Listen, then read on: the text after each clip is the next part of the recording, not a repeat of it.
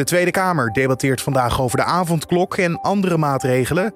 Huisartsen worden vanaf vandaag ook gevaccineerd. En Joe Biden is inmiddels de 46e president van de Verenigde Staten.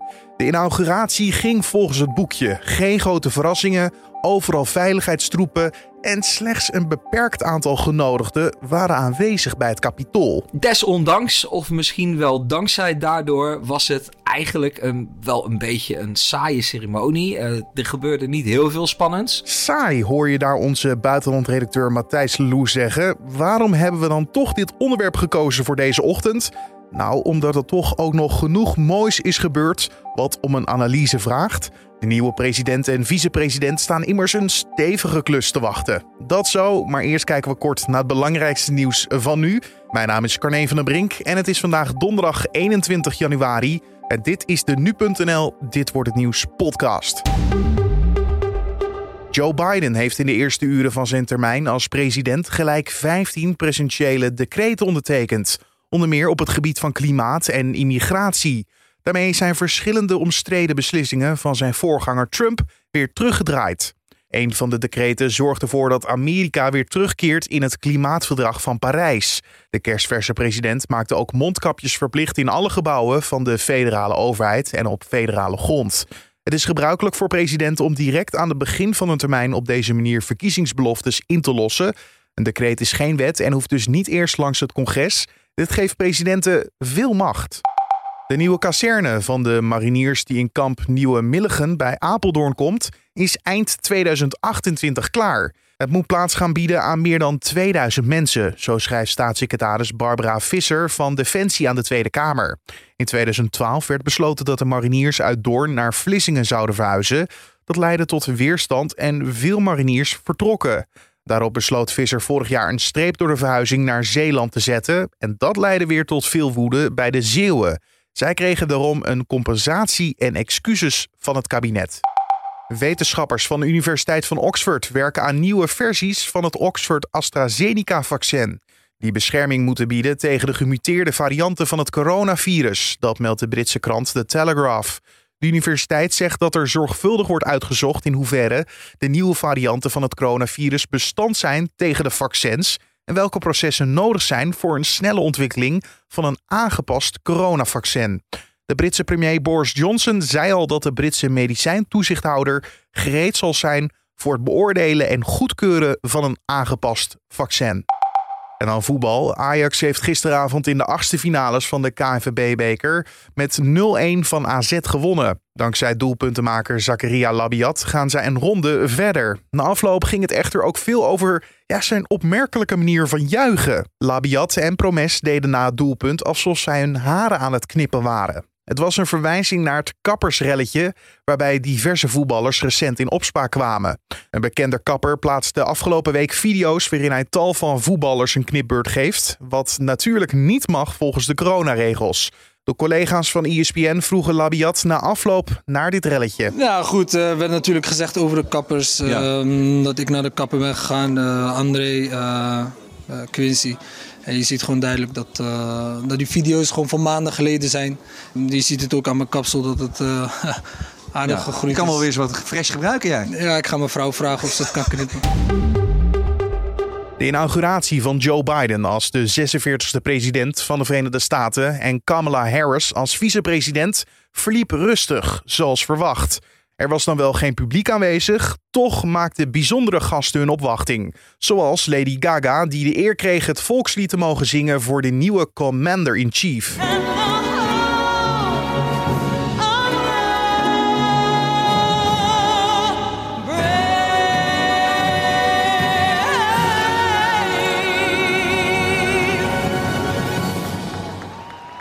Het wordt deze ochtend niet een herhaling van de inauguratie die je gisteren mogelijk al in zijn geheel of gedeeltelijk hebt gezien. Nee, mijn collega Julien Dom vroeg buitenlandredacteur Matthijs Lou wat hem het meest is bijgebleven van die inauguratie gisteravond. Nou, gek genoeg was dat niet de uh, enorme beveiliging uh, rond die ceremonie. Uh, er waren uh, meer dan 20.000 reservisten van de National Guard opgeroepen. Alles was afgezet. Uh, er was in Washington eigenlijk geen kamer meer te huren via bijvoorbeeld Airbnb. en desondanks, of misschien wel dankzij daardoor, was het eigenlijk een, wel een beetje een saaie ceremonie. Uh, er gebeurde niet heel veel spannends.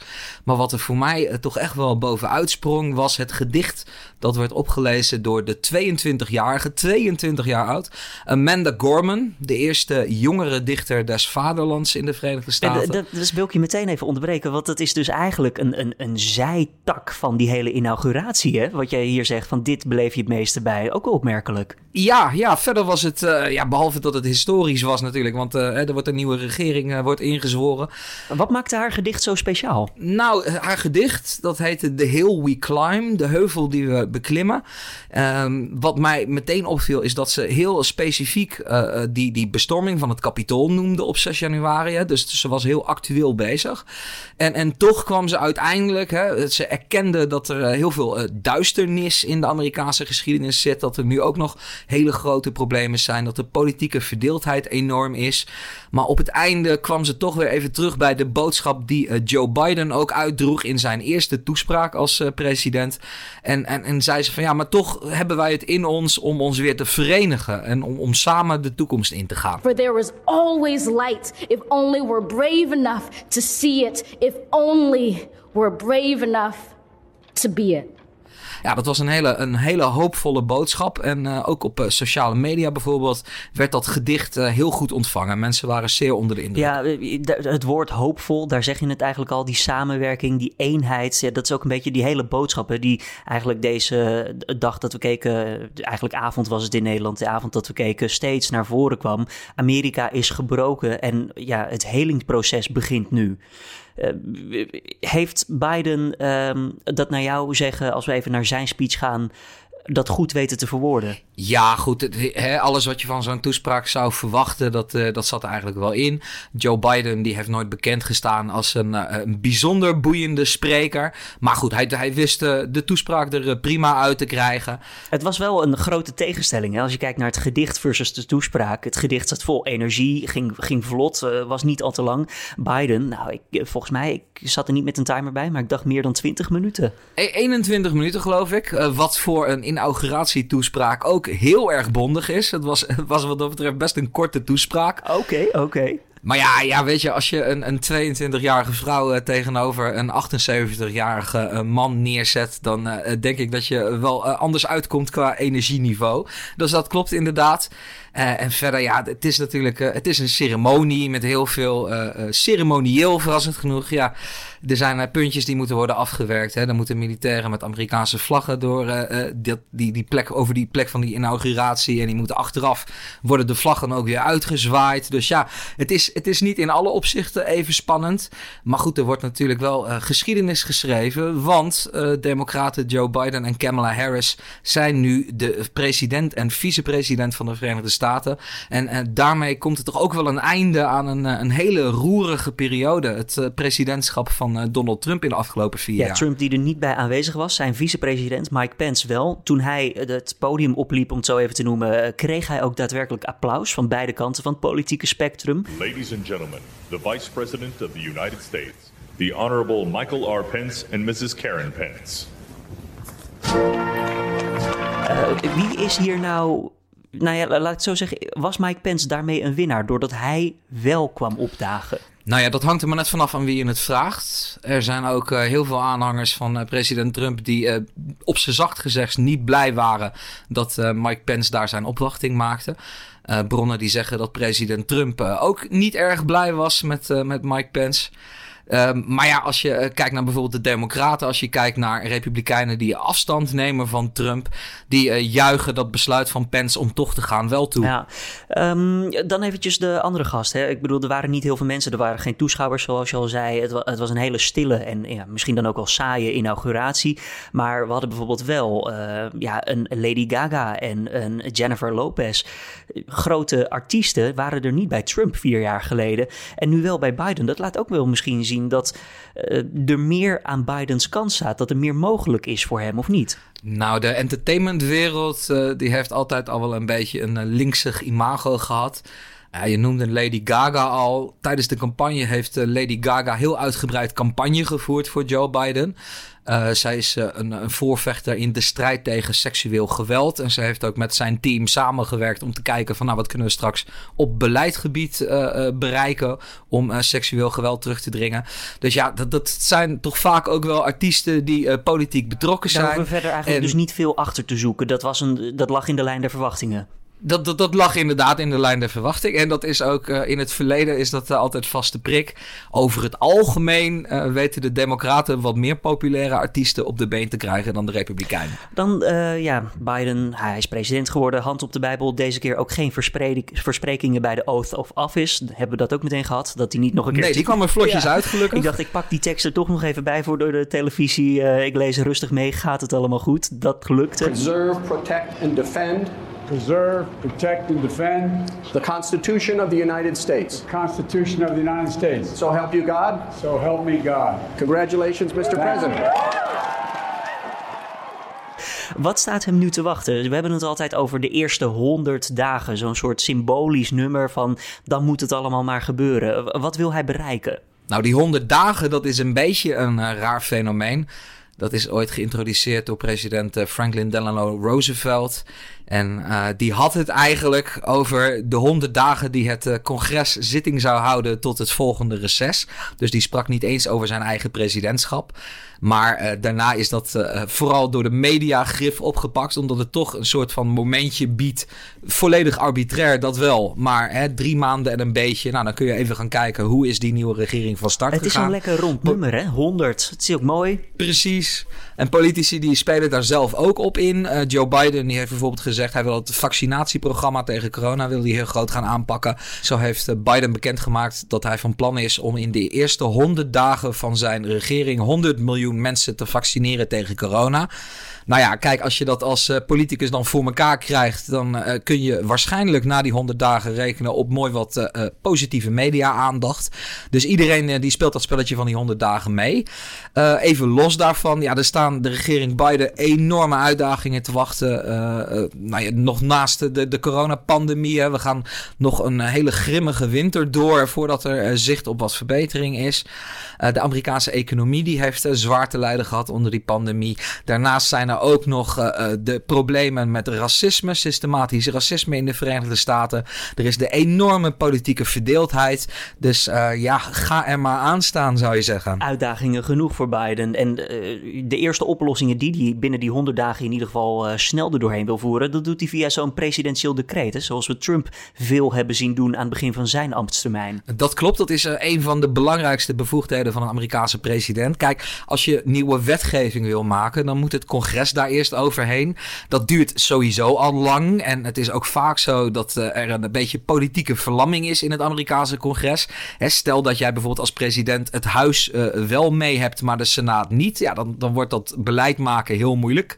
Uh, dat hebben we ook gezien in de regering Trump. Nadat de Republikeinen de meerderheid in het Huis van Afgevaardigden verloren in 2018. Ja, wat kan een president dan nog wel doen? Nou, hij is het hoofd van de enorme uitvoerende tak van de federale regering. En met die presidentiële decreten kan hij gewoon directe bevelen geven aan die grote regering.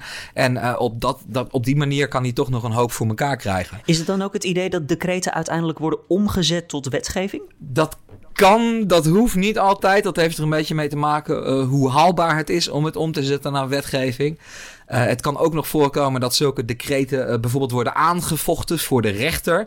Dat kan ook bij wetsvoorstellen gebeuren.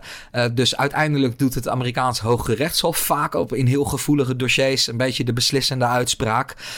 maar dat neemt niet weg dat zo'n decreet van het hoofd van de regering, ja, dat is wel iets waar je een, een hoop mee kan veranderen. Ja, dat zijn de 100 dagen voor in ieder geval Joe Biden. Maar dan hebben we dus ook nog die andere unieke positie, Kamala Harris, de eerste vrouwelijke vicepresident in uh, ja, het bestaansrecht van de Verenigde Staten.